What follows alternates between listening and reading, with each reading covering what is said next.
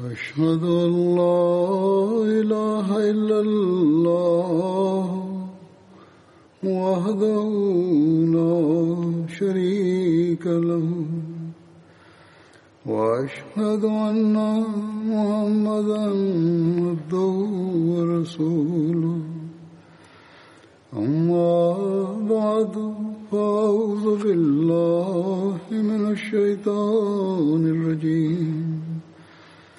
بسم الله الرحمن الرحيم.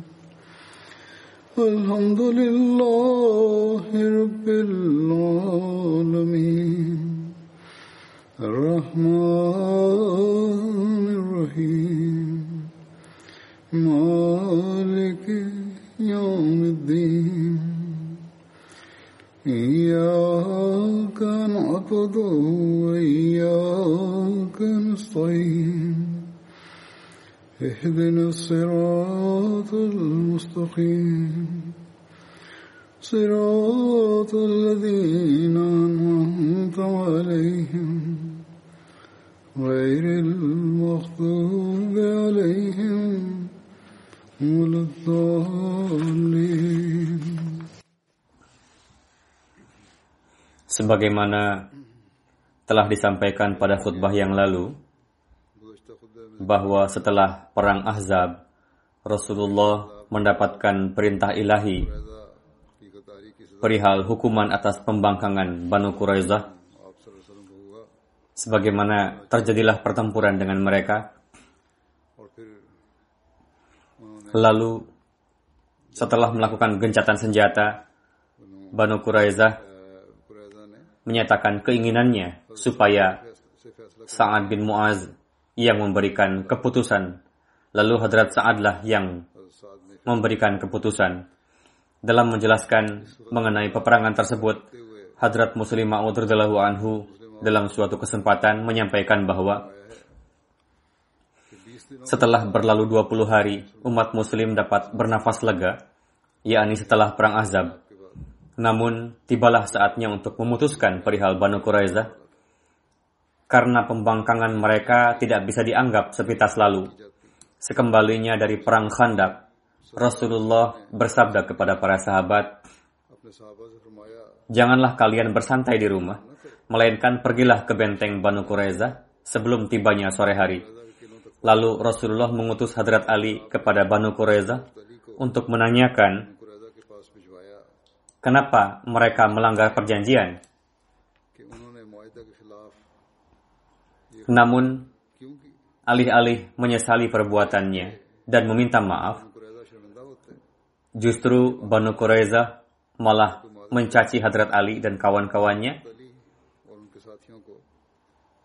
dan juga menghina Rasulullah dan para wanita dalam keluarga Rasulullah.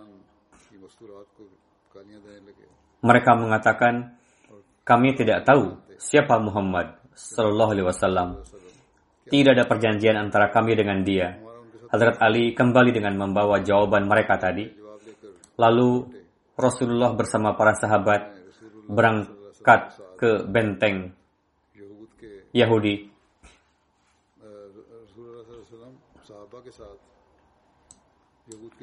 Karena Yahudi mencaci Rasulullah dan anggota keluarga Rasul. Lalu Hadrat Ali berpikir bahwa Rasulullah akan menderita jika mengetahui hal tersebut. Untuk itu Hadrat Ali berkata, Wahai Rasul, kenapa Tuhan berepot-repot? Cukuplah kami saja yang akan menghadapi mereka.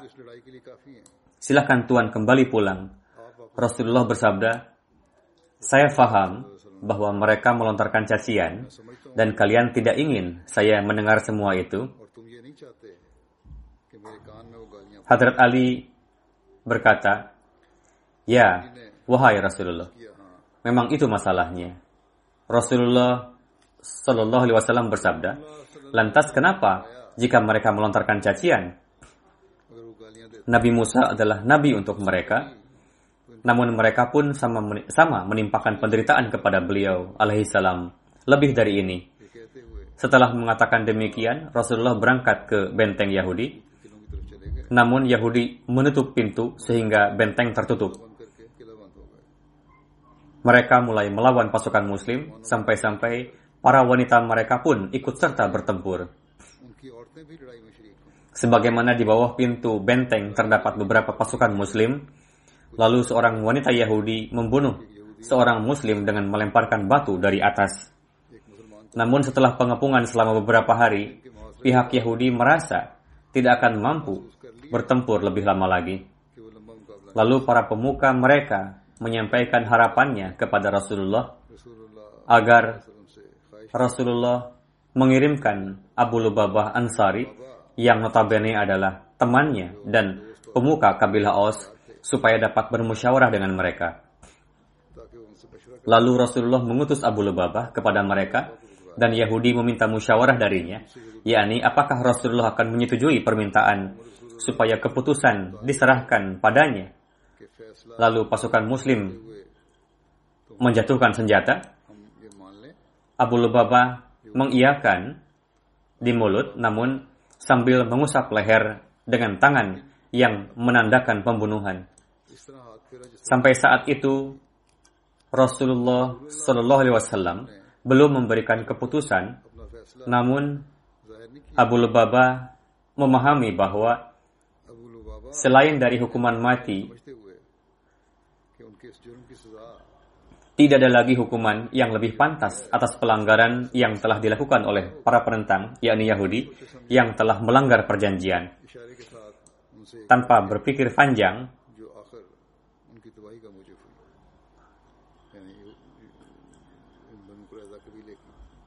mengatakan sesuatu kepadanya dengan isyarah yang pada akhirnya menjadi penyebab kehancurannya. Lalu Yahudi mengatakan bahwa jika kami menuruti keputusan Muhammad Sallallahu Alaihi Wasallam, maka seperti halnya Yahudi lainnya akan diberikan hukuman seberat-beratnya dengan diusir dari Madinah. Namun, itu merupakan kesialan mereka. Yahudi tidak menuruti putusan Rasulullah dan mengatakan, jika seandainya menuruti putusan, maka mereka akan dihukum dengan diusir.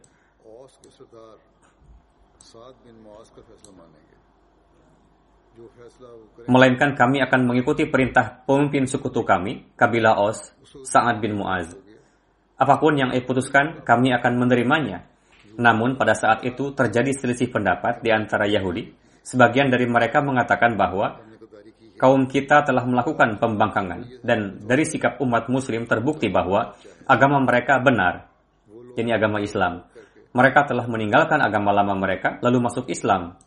Seorang bernama Amr bin Su Suda yang merupakan salah satu pemuka kaum mencela kaumnya dengan berkata, "Kalian telah membangkang dengan melanggar perjanjian. Sekarang pilihlah apakah kalian akan masuk Islam atau membayar jizyah." Yahudi menjawab, kami tidak akan masuk Islam dan tidak juga akan membayar jizyah. Kebanyakan dari mereka sepakat lebih baik mati daripada memilih kedua itu. Lalu ia berkata kepada mereka, Aku menyatakan diri terpisah dari kalian. Lalu ia meninggalkan benteng dan pergi.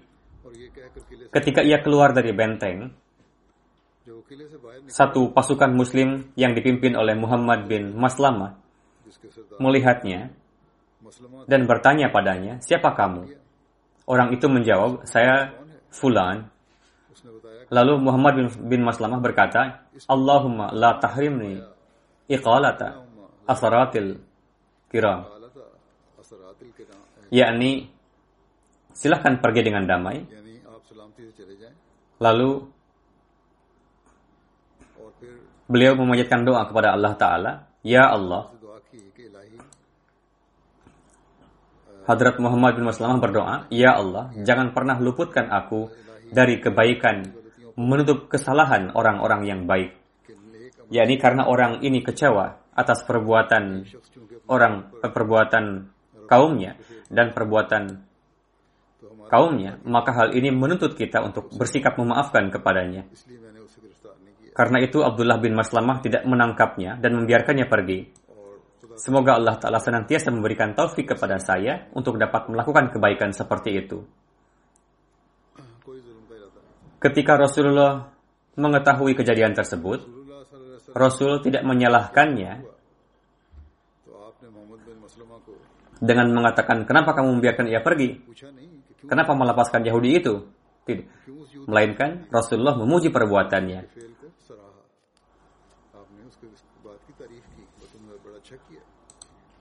Kisah tersebut sifatnya individu.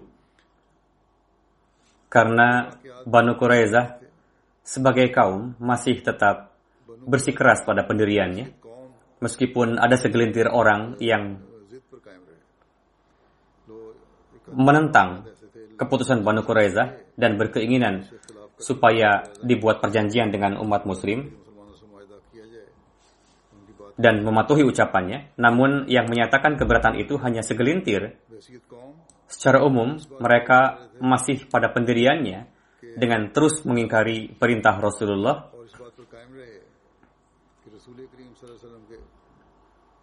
dan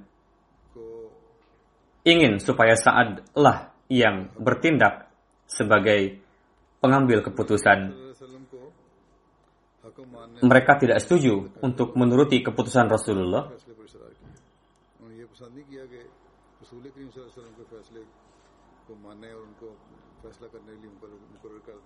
Rasulullah pun sallallahu Alaihi Wasallam menyetujui tuntutan mereka.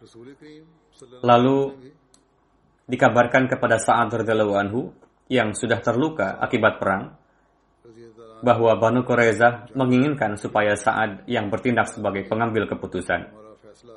Setelah mendengar pengumuman tersebut, kabilah Os yang notabene merupakan sekutu Banu Koreza sejak lama pergi menemui Sa'ad lalu memohon kepada Sa'ad dengan mengatakan sebagaimana Khajraj selalu menyelamatkan Yahudi sekutunya dari hukuman untuk itu, hari ini pun kamu harus mengambil keputusan yang berpihak kepada kabilah sekutumu.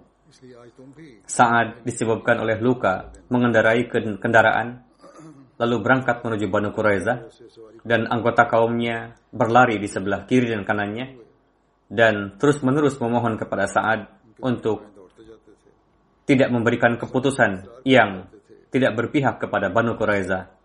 Namun Sa'ad hanya menjawab, Barang siapa yang diserahkan tugas untuk memutuskan, ia adalah penjaga amanah.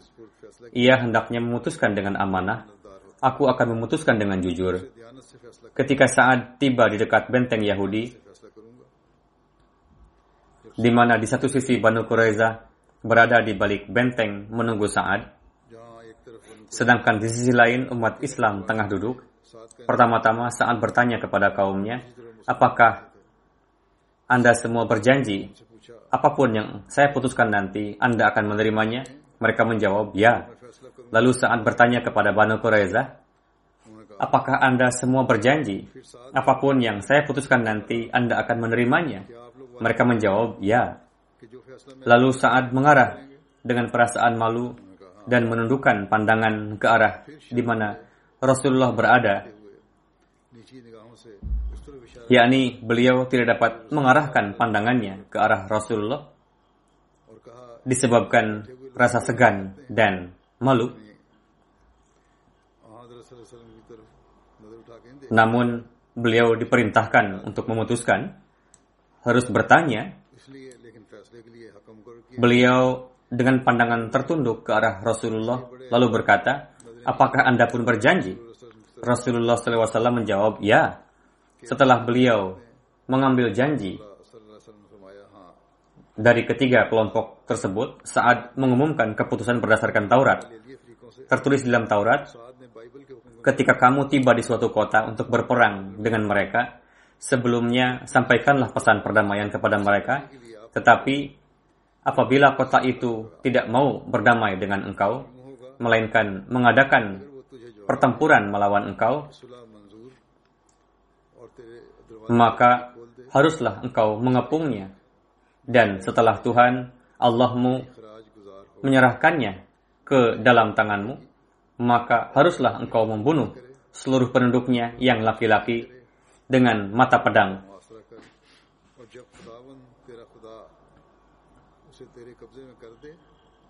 hanya perempuan, anak-anak, hewan, dan segala yang ada di kota itu, yakni seluruh jarahan itu, boleh kau rampas bagimu sendiri, dan jarahan yang dari musuhmu itu, itu yang diberikan kepadamu oleh Tuhan, Allahmu, boleh kau pergunakan.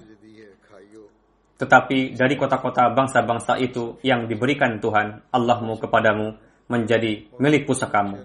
Janganlah kau biarkan hidup apa pun yang bernafas tetapi dari kota-kota bangsa-bangsa itu yang diberikan Tuhan, Allahmu kepadamu, menjadi milik pusakamu. Janganlah kau biarkan hidup apa pun yang bernafas, melainkan kau tumpas sama sekali, yakni orang Het, orang Amori, orang Kanaan, orang Feris, orang Hewi, dan orang Yebus, seperti yang diperintahkan kepadamu oleh Tuhan, Allahmu, supaya mereka jangan mengajar kamu berbuat sesuai dengan eh, sesuai dengan segala kekejian yang dilakukan mereka bagi Allah mereka, sehingga kamu berbuat dosa kepada Tuhan Allahmu.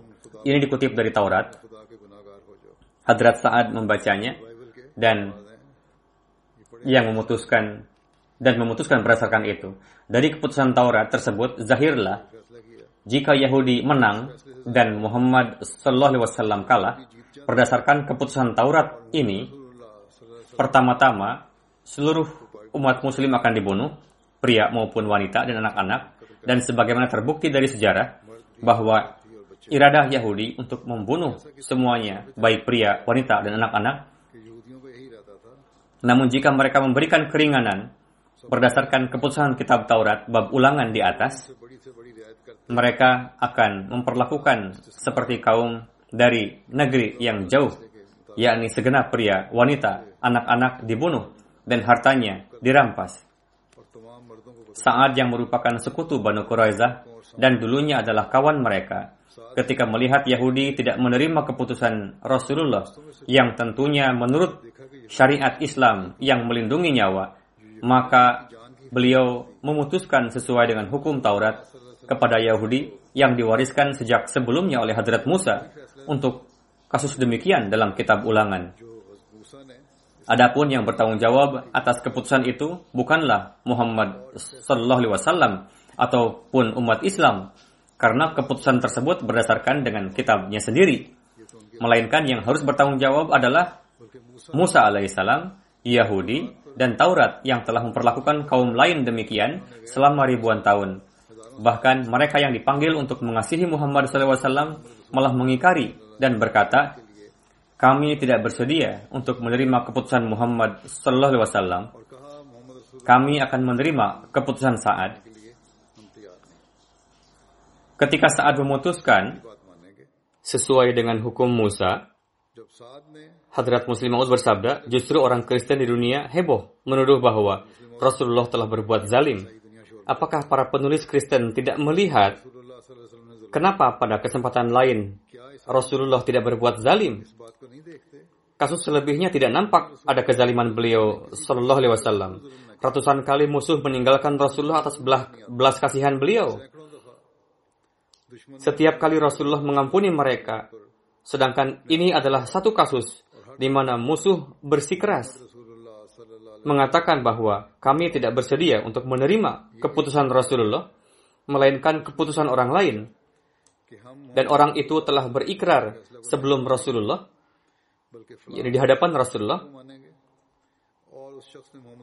Orang itu telah berikrar sebelum Rasulullah bahwa apa pun yang saya putuskan nanti, Anda akan menerimanya. Sebagaimana zahir dalam sejarah, ikrar telah diambil dari beliau. Setelah itu, orang tersebut memutuskan, bahkan bukan ia sendiri yang memutuskan, melainkan keputusan Musa yang mana Yahudi mengakui sebagai umatnya jika memang ada jika memang ada bersikap zalim, Yahudilah yang telah berbuat zalim pada dirinya sendiri, yang telah mengingkari untuk menerima keputusan Muhammad. Jika ada yang berbuat zalim, maka Musalah yang berbuat zalim, yang telah mengajarkan sesuai dengan hukum yang ia dapatkan dari Tuhan, berkenaan dengan musuh yang terkepung dalam Taurat.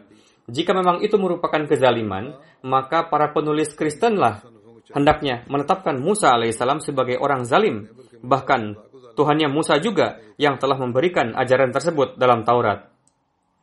Setelah berakhirnya perang Ahzab, Rasulullah bersabda, sejak hari ini musyrik tidak akan menyerang kita. Sekarang Islam sendiri akan meresponsnya. Kita pun akan melawan kaum mus, kaum kaum yang telah menyerang kita. Dan seperti itulah yang terjadi. Dalam perang Ahzab, kaum kufar mengalami kerugian. Beberapa orang beberapa orang mereka terbunuh, pada tahun berikutnya mereka bisa datang lagi, bahkan bukan 20 ribu pasukan, bisa saja 40 atau 50 ribu pasukan. Bahkan jika melakukan persiapan lebih matang lagi, tidaklah sulit bagi mereka untuk menyiapkan 100 atau 150 ribu pasukan. Namun setelah upaya berturut-turut selama 21 tahun, orang kufar merasa bahwa Tuhan menyertai Muhammad Sallallahu Alaihi Wasallam, sedangkan berhala mereka adalah dusta dan pencipta tunggal dunia adalah Tuhan. Tubuh mereka sehat, namun hati mereka telah hancur. Meskipun pada zahirnya mereka sujud di hadapan berhala mereka, namun dalam hati mereka menggema suara La ilaha illallah. Hadrat Abu Sa'id Khudri meriwayatkan beberapa orang keluar dari benteng dengan syarat menerima keputusan Hadrat Sa'ad bin Mu'az. Lalu Hadrat Rasulullah memanggil Hadrat Sa'ad. Hadrat Sa'ad datang dengan mengendarai keledai.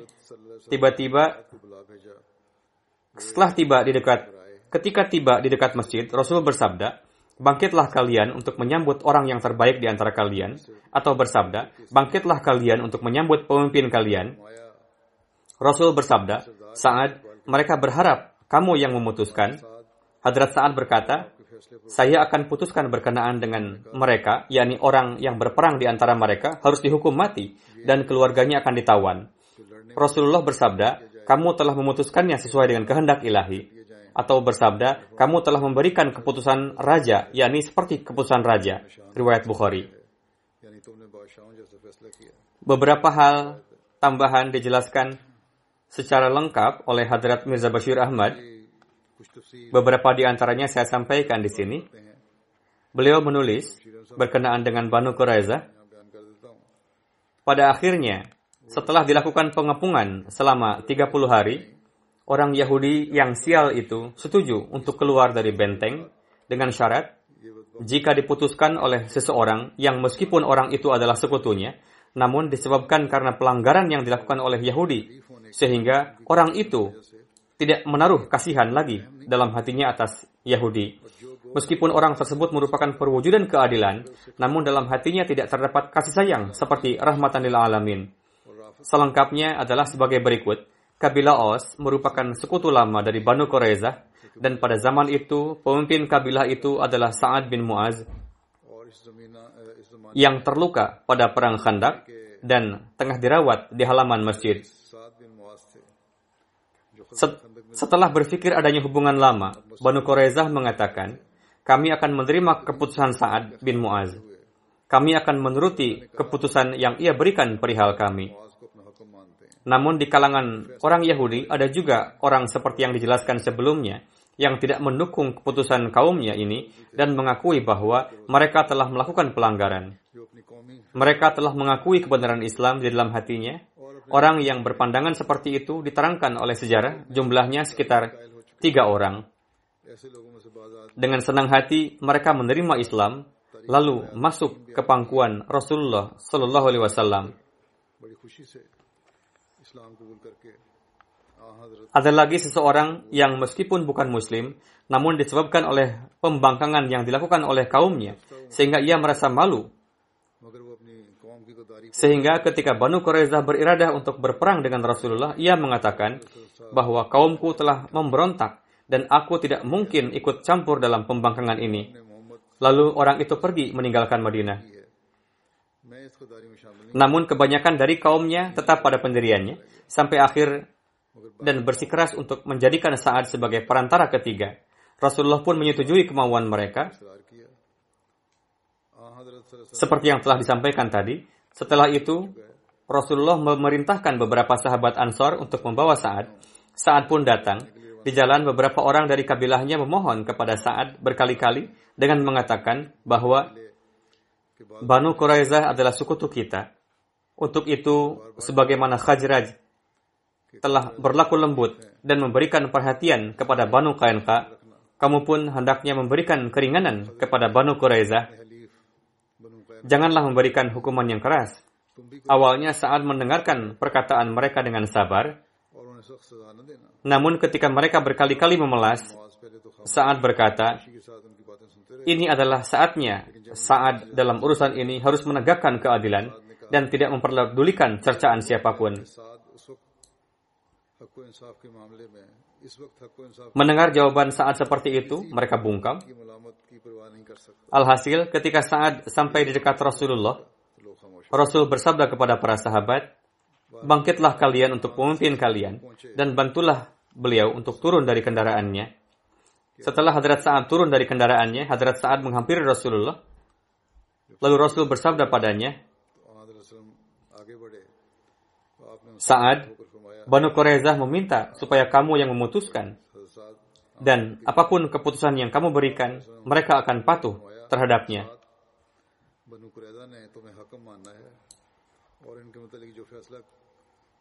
Setelah itu Sa'ad mengarahkan pandangan kepada anggota kabilahnya dan berkata, setelah meyakini Allah Ta'ala maha menyaksikan, Apakah kalian berjanji bahwa kalian akan bersedia mengamalkan keputusan yang diberikan berkenaan dengan Banu Qurayzah nanti? Kabilahnya berkata, "Ya, kami berjanji." Sudah saya sampaikan tadi rujukan dari Hadrat Muslim Maud radhiyallahu anhu. Kemudian saat mengarahkan pandangan ke arah di mana Rasulullah berada, saat mengatakan, "Tuan-tuan yang berada di sebelah sini, Apakah Anda juga berjanji untuk mengamalkan keputusan yang saya berikan nanti? Hadrat Rasulullah bersabda, saya berjanji. Setelah perjanjian tersebut, saat mengumumkan keputusannya yang berbunyi, orang-orang yang berperang dari antara Banu Qureza akan dihukum mati, sementara para wanita dan anak-anak mereka akan ditawan, harta kekayaan mereka akan dibagikan di kalangan umat Islam, setelah mendengarkan keputusan tersebut, Rasulullah secara spontan, spontan bersabda, keputusanmu ini merupakan takdir ilahi yang tidak dapat dielakkan lagi. Maksud dari ucapan beliau adalah, keputusan yang diumumkan berkenaan dengan Banu Quraizah, sedemikian rupa, di mana di dalamnya nampak dengan jelas adanya andil Tuhan yang bekerja. Karena itu, sifat penyayang Rasulullah tidak dapat menghentikannya. Dan memang benar, karena dengan dipanggilnya Abu Lubabah oleh Banu Quraiza untuk memberikan musyawarah, dan keluar dari mulut Abu Lubabah suatu ucapan yang sama sekali tidak berdasar, dan sikap pengingkaran yang dilakukan oleh Banu Quraiza terhadap Rasulullah, dan dengan adanya pemikiran bahwa kabilah Aus adalah sekutu kita, yang mana akan memberikan keringanan kepada kita, lalu menetapkan Sa'ad bin Mu'az pemimpin Aus sebagai pemberi keputusan, begitu juga sedemikian teguhnya saat dalam memutuskan secara adil yang sama sekali perasaan berat sebelah hilang dari, dari hati beliau. Sehingga pada akhirnya sebelum diumumkannya keputusan saat telah diambil perjanjian dari Rasulullah bahwa Rasulullah akan mengamalkan apa pun keputusannya nanti. Semua hal ini tidaklah mungkin suatu kebetulan. Tentunya di dalamnya terdapat campur tangan takdir ilahi yang bekerja. Ini merupakan keputusan Allah Ta'ala, bukannya Sa'ad. Hadrat Mirza Bashir Ahmad menulis, disebabkan oleh pelanggaran perjanjian Banu Quraiza, pembangkangan, pemberontakan, menciptakan kekisruhan dan pembunuhan, datanglah keputusan dari Allah Ta'ala bahwa orang-orang yang berperang di antara mereka dihilangkan dari dunia ini. Dalam hal ini, dengan adanya gerakan gaib berkenaan dengan perang tersebut, kepada Rasulullah menzahirkan bahwa ini merupakan takdir ilahi namun Tuhan tidak menghendaki jika keputusan ini diberikan melalui Rasulullah. Dan karena itu juga, dia, yakni Allah Ta'ala sama sekali memisahkan Rasulullah dari campur tangan gaib ini. Lalu mengumumkan keputusan dengan perantaraan Rasulullah. Keputusan pun yang diberikan dalam corak di mana Rasulullah pun sama sekali tidak bisa ikut andil di dalamnya karena beliau telah berjanji bahwa beliau akan mengikuti keputusan ini. Sebagaimana dampak dari keputusan ini tidak hanya kepada pribadi Rasulullah saja, bahkan kepada segenap umat muslim, untuk itu, beliau tidak menganggap diri beliau berhak untuk merubah keputusan ini. Sekalipun beliau sangat cenderung untuk mengampuni dan memaafkan, Inilah andil Tuhan iya. yang pengaruh kekuatannya menjadikan keluar dari lisan Rasulullah secara spontan. Mengatakan, Qad hakamta bihukmillahi, yakni wahai Sa'ad, keputusanmu ini nampaknya merupakan takdir ilahi, yang mana tidak ada seorang pun yang mampu merubahnya. Setelah mengucapkan ini, Rasulullah beranjak dari situ dan menuju kota. Saat itu, hati beliau sangat tersiksa oleh pikiran, bahwa sebuah kaum yang beliau sangat inginkan untuk beriman malah mahrum dari iman dan menjadi sasaran azab kemurkaan Allah Ta'ala disebabkan kejahatan-kejahatan mereka sendiri. Kurang lebih, pada kesempatan ini beliau bersabda dengan kata-kata penuh harapan, apabila dari antara umat Yahudi 10 orang saja, yakni 10 orang terhormat, dari antara mereka beriman, maka aku dapat berharap pada Allah Ta'ala bahwa seluruh kaum ini akan beriman dan selamat dari azabnya. Bagaimanapun juga, ketika beliau hendak beranjak dari situ, beliau memerintahkan untuk memisahkan antara laki-laki, wanita, dan anak-anak Banu Quraiza. Dengan demikian, kedua grup ini dipisah lalu dibawa ke Madinah dan di kota Madinah mereka dikumpulkan di dua tempat terpisah Kemudian atas perintah Rasulullah, para sahabat yang beberapa di antara mereka mungkin juga sedang kelaparan, menyediakan begitu banyak buah-buahan untuk makanan Banu Quraizah. Ditulis bahwa orang-orang Yahudi sepanjang malam sibuk makan buah. Pada pagi hari, di hari berikutnya adalah saat dilangsungkannya keputusan Hadrat Sa'ad bin Mu'az. Hadrat Rasulullah SAW menetapkan beberapa orang yang fit untuk melaksanakan tugas ini, dan beliau sendiri juga hadir di suatu tempat dekat dari tempat eksekusi itu supaya kalau dalam pelaksanaan keputusan itu ada suatu hal yang memerlukan petunjuk Rasulullah maka Rasulullah bisa langsung memberikan petunjuk.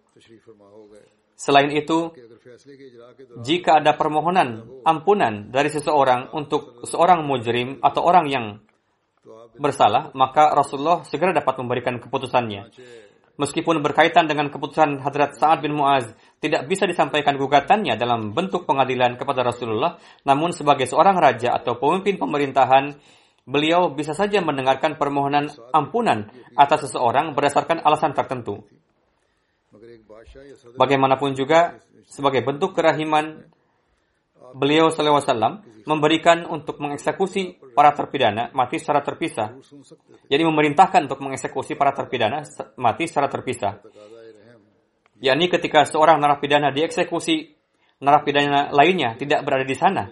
Dengan demikian, para narapidana dibawa secara terpisah satu persatu dan sesuai dengan keputusan Hadrat Saad, mereka dieksekusi berkaitan dengan peristiwa Banu Quraiza, para sejarawan dan muslim menyerang Rasulullah dengan cara yang sangat tidak terpuji, disebabkan eksekusi mati sekitar 400 orang Yahudi. Mereka menampilkan wujud Rasulullah sebagai seorang pemimpin yang na'udzubillah, zalim dan haus darah.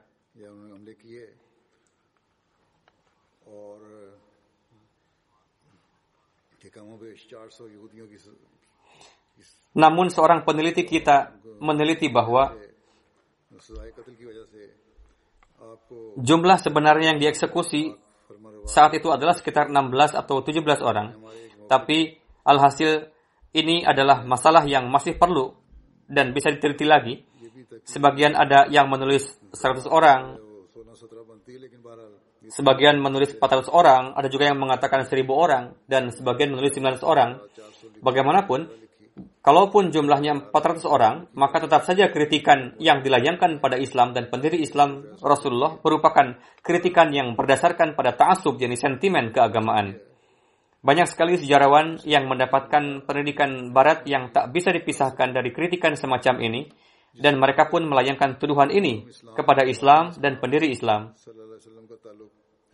Hadrat Mirza Bashir Ahmad menulis, untuk menjawab kritikan ini, hal pertama yang harus diingat adalah keputusan atas Banu Qurayzah yang dianggap keputusan yang zalim adalah keputusan Hadrat Sa'ad bin Mu'az.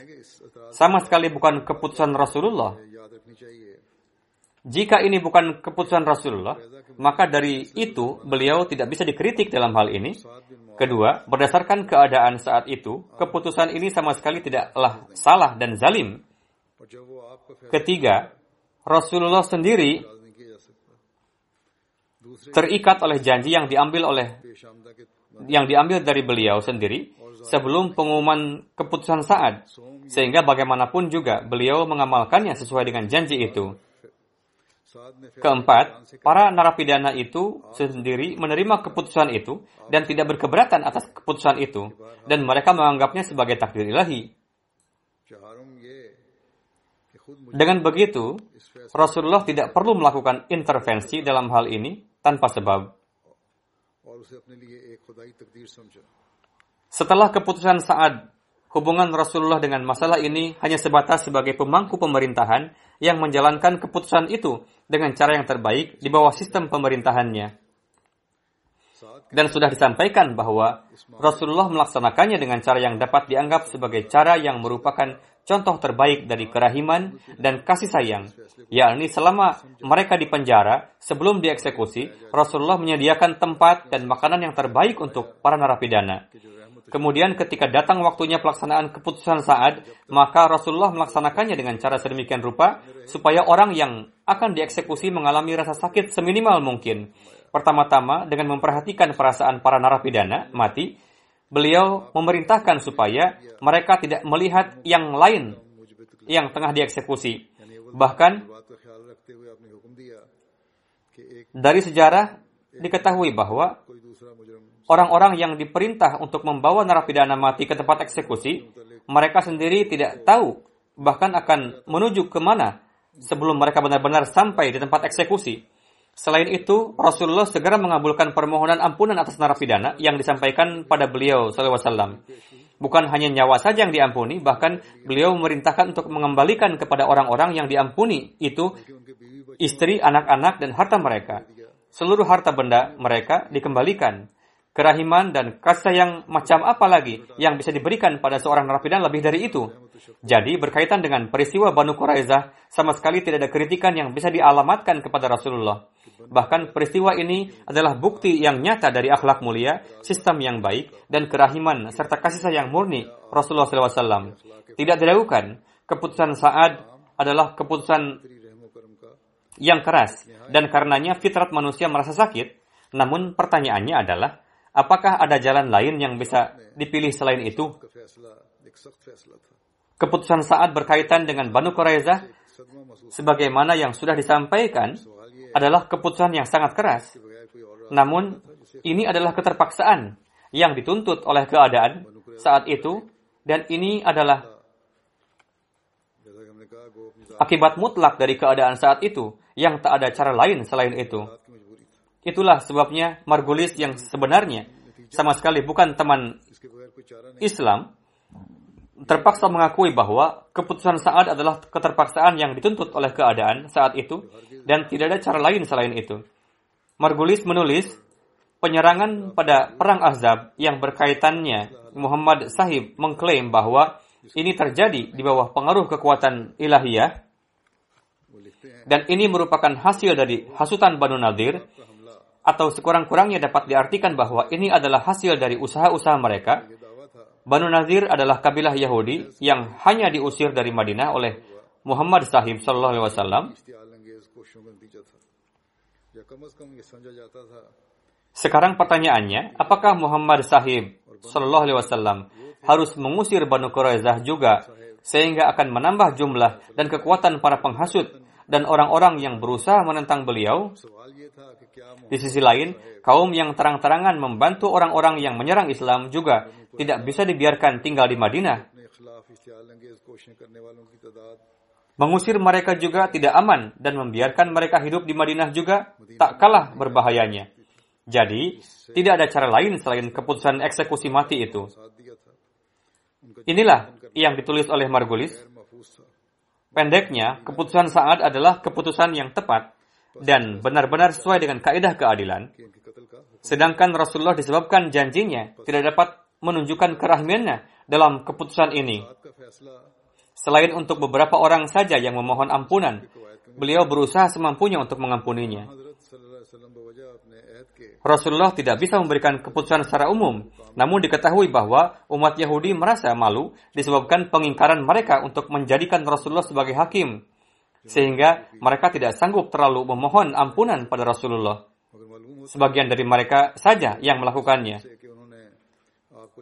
Hanya beberapa orang yang melakukannya dan tanpa adanya pengajuan dibanding beliau tidak bisa memberikan pengampunan karena pemberontak yang tidak mengungkapkan penyesalan atas kejahatan mereka maka melepaskannya begitu saja secara politik dapat menimbulkan konsekuensi-konsekuensi yang berbahaya.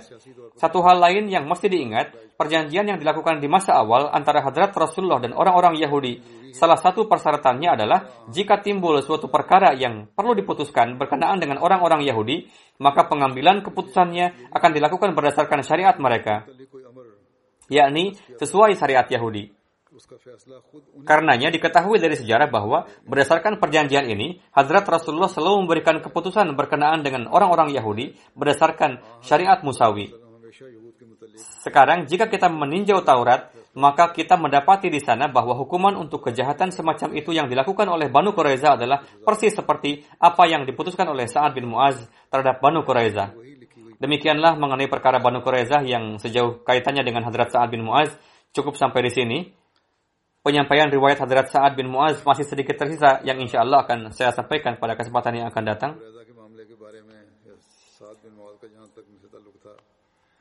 Sekarang saya akan menyampaikan riwayat beberapa orang almarhum yang wafat beberapa hari yang lalu dan insya Allah setelah salat Jumat nanti saya akan memimpin salat jenazah gaib mereka. Yang pertama adalah yang terhormat Ibu Hajiah Rukayah Khalid, sadar lajnah Imailah Ghana. Beliau wafat pada 30 Juni di usia 65 tahun. Inna lillahi wa inna ilaihi raji'un. Beliau pernah menderita kanker rahim. Setelah itu beliau sembuh dan Allah Ta'ala memberikan kesehatan kepada beliau. Namun, pada bulan Mei tahun ini, kesehatan beliau mulai menurun lagi.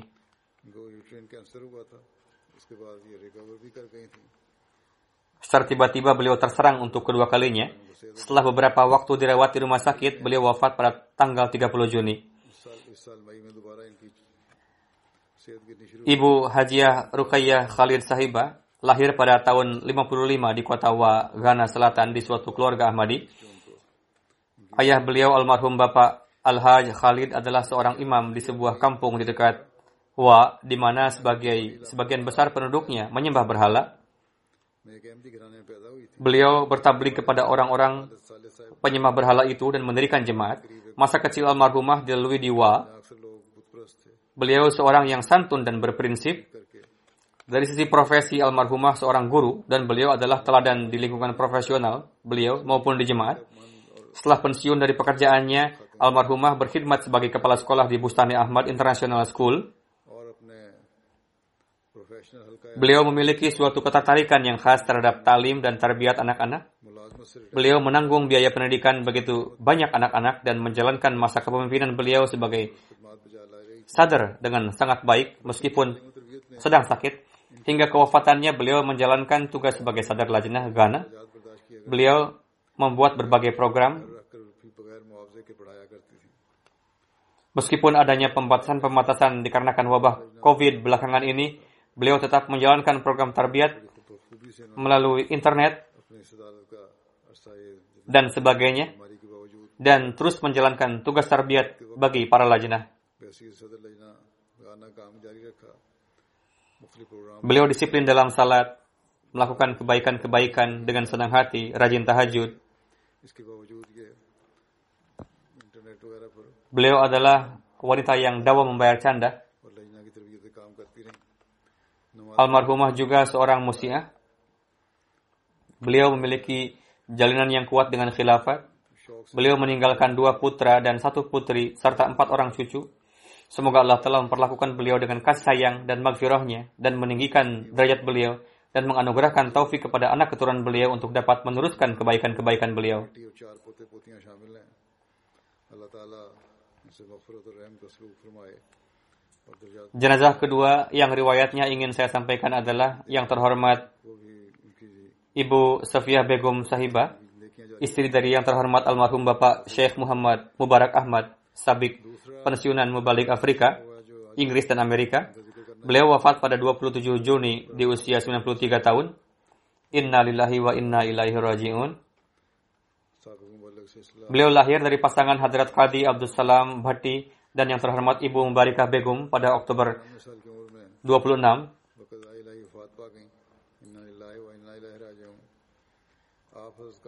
Almarhumah adalah cucu dari sahabat Hadrat Masih Maud salam, Hadrat Qadi Abdul Rahim dan cicit dari Hadrat Qadi Diauddin.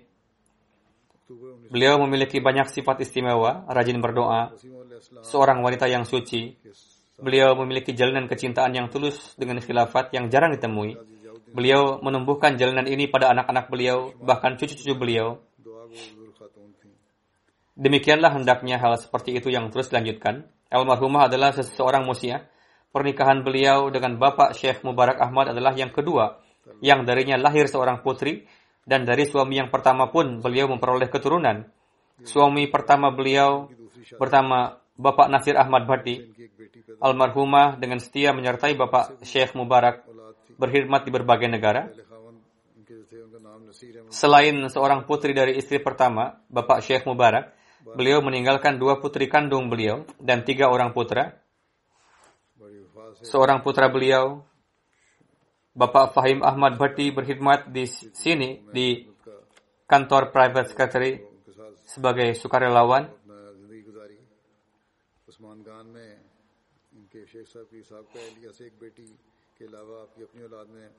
Seorang cucu almarhumah Bapak Shabur Bhatti adalah seorang mubalik yang bertugas di Wakalat Tafsir UK.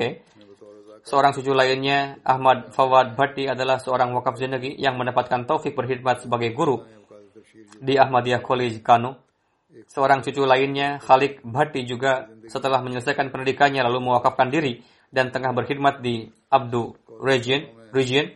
Seorang cucu almarhumah lainnya, Nabil Bhatti yang dua tahun lalu sakit keras dan hampir meninggal. Almarhumah banyak berdoa untuknya dan Allah Ta'ala kemudian memberitahukan kepada beliau mengenai kesembuhan anak tersebut dan Allah Ta'ala memberikan kesembuhan padanya.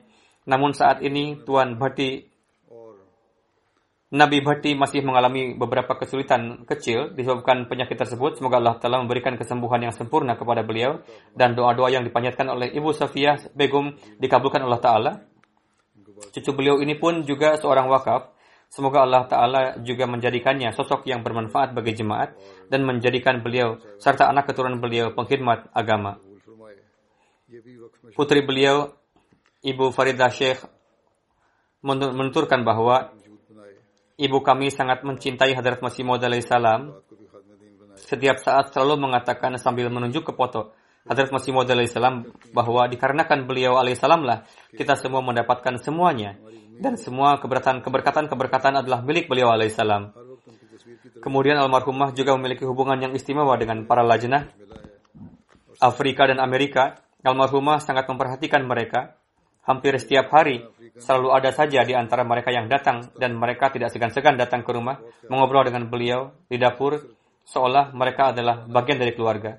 Demikian juga putri sulung beliau Ibu Naimah Syabir mengatakan almarhumah adalah seorang yang penuh kasih sayang, seorang yang sangat sabar. Beliau seorang wanita yang peduli dengan orang lain, Beliau menanamkan kecintaan terhadap khilafat dalam hati kami beliau selalu menasihatkan kami untuk menulis surat secara dawam.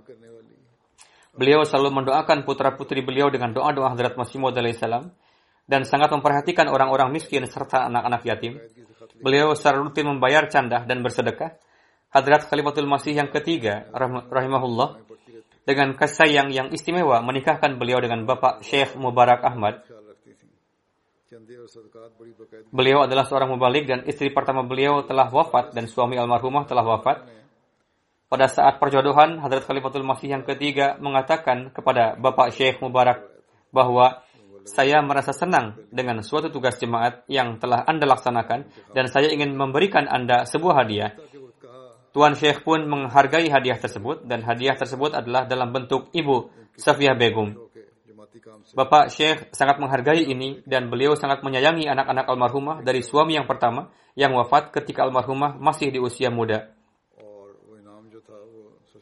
Putra beliau yang paling besar, Tuan Shemim Bhatti juga teman sekelas saya di sekolah dan college. Dan saya melihat Tuan Syekh sangat menyayangi anak-anak almarhumah tersebut dan memberikan hak, -hak mereka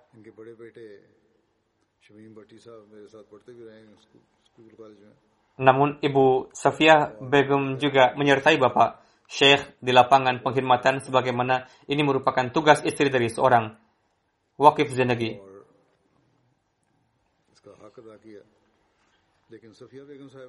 Sangat sedikit istri-istri mubalighin yang menunaikan kewajibannya sebagaimana almarhumah menunaikan kewajibannya.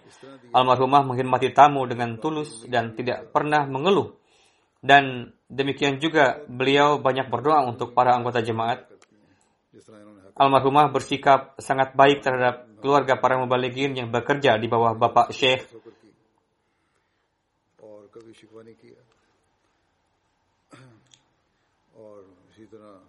Setelah menjadi khalifah, hubungan saya lebih erat lagi dengan almarhumah, dengan almarhum, dan saya pun mengenal beliau saya melihat bahwa almarhumah adalah seorang yang mencintai khilafat dan jarang ditemui orang-orang yang mencintai khilafat sebagaimana beliau. Semoga Allah Ta'ala meninggikan derajat almarhumah dan senantiasa menjaga anak keturunan almarhumah untuk tetap setia terhadap jemaat dan khilafat.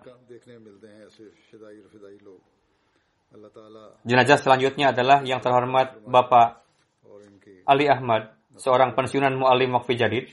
Beliau wafat pada tanggal 18 Juni di usia 86 tahun. Innalillahi wa inna ilaihi rajiun.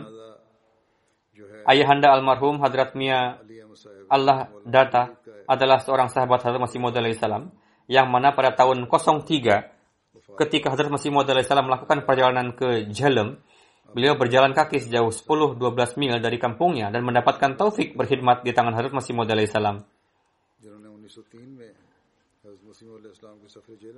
Pada tahun 65 almarhum mewakafkan diri. Dari tahun 67 hingga 20, 2008 kurang lebih selama 41 tahun almarhumah Almarhum melakukan pengkhidmatan di berbagai jemaat di Sin dan Punjab. Beliau mengajarkan Al-Quran kepada ribuan, ratusan anak laki-laki dan perempuan, serta pria maupun wanita dewasa, dengan perantaraan upaya pertabelikan dan doa-doa beliau puluhan orang yang berfitrat baik mendapatkan karunia bergabung ke dalam jemaat Ahmadiyah. Almarhum adalah seorang musi di antara yang tinggalkan selain istri beliau antara lain dua orang putri dan tiga orang putra. Salah seorang putra beliau, Bapak Abdul Hadi Tarik adalah seorang mubalik di Ghana dan tengah mendapatkan taufik berkhidmat sebagai dosen di Jamiah Ahmadiyah Internasional di sana selama tujuh tahun. Dikarenakan kondisi sekarang ini beliau tidak bisa ikut serta dalam pengurusan dan pemakaman jenazah ayah beliau. Dua orang menantu almarhum juga mubalik dan tiga orang cucu almarhum adalah hafiz Quran.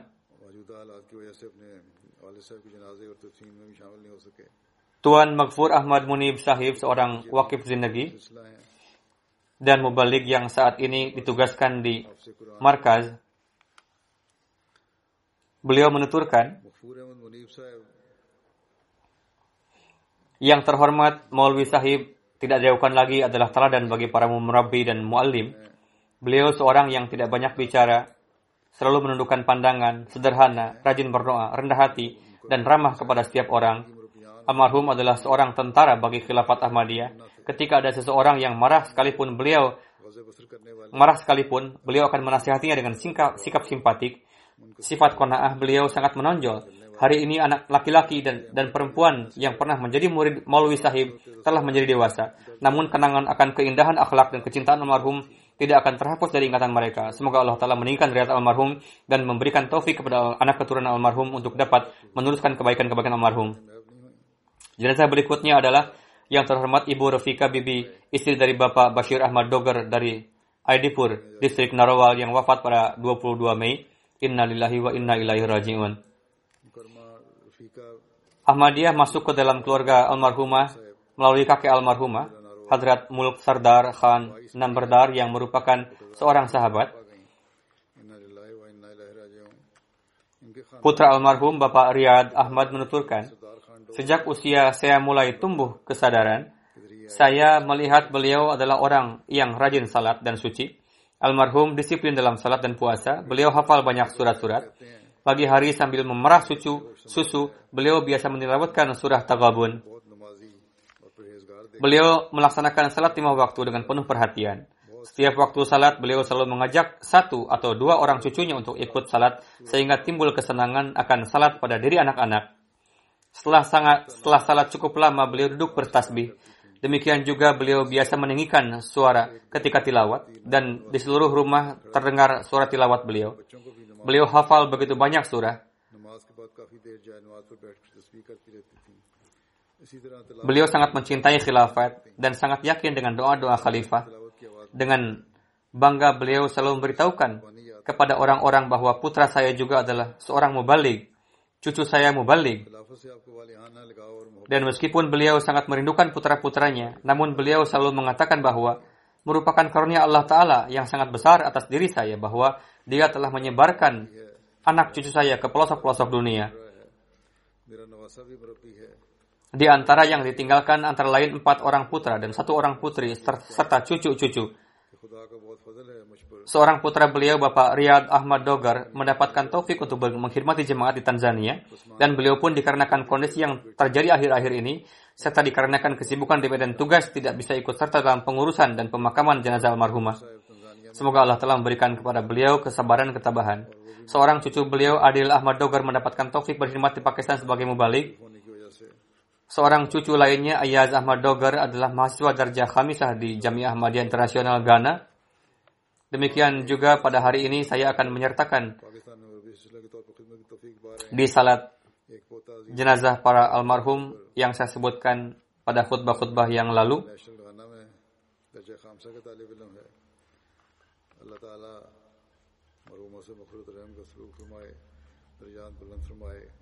Namun belum dilaksanakan salat jenazahnya dikarenakan kondisi yang terjadi. Di antaranya adalah Bapak Nasir Said, Sahib Bapak Gulam Mustafa, Bapak Dr. Nakiuddin dari Islamabad, Bapak Zulfikar Damanik, Mubalik Indonesia. Semoga Allah Ta'ala memperlakukan mereka semua dengan kasih sayang dan maghfirahnya. Amin. ڈاکٹر نقی الدین صاحب اسلام آباد کے ہیں، وہ شامل ہیں۔ ذوالفقار صاحب مربی انڈونیشیا شامل ہیں۔ اللہ تعالیٰ ان سب سے مخرت الرحم کو سلوک فرمائے۔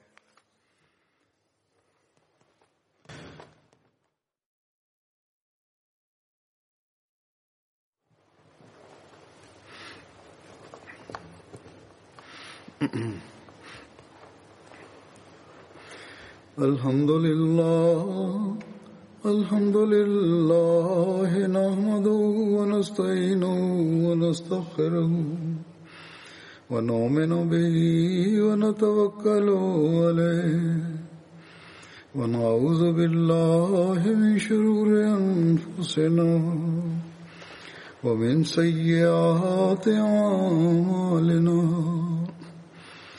من يهده الله فلا مضل له ومن يضلل فلا هادي له. ونشهد أن لا إله إلا الله. ونشهد أن محمدا عبده ورسوله. عباد الله رحمكم الله. إن الله يأمر بالعدل واللسان وإيتاء ذي القربى وينهى عن الفحشاء والمنكر والبغي يعظكم لعلكم تذكرون اذكروا الله يذكركم وادعوه يستجب لكم ولذكر الله أكبر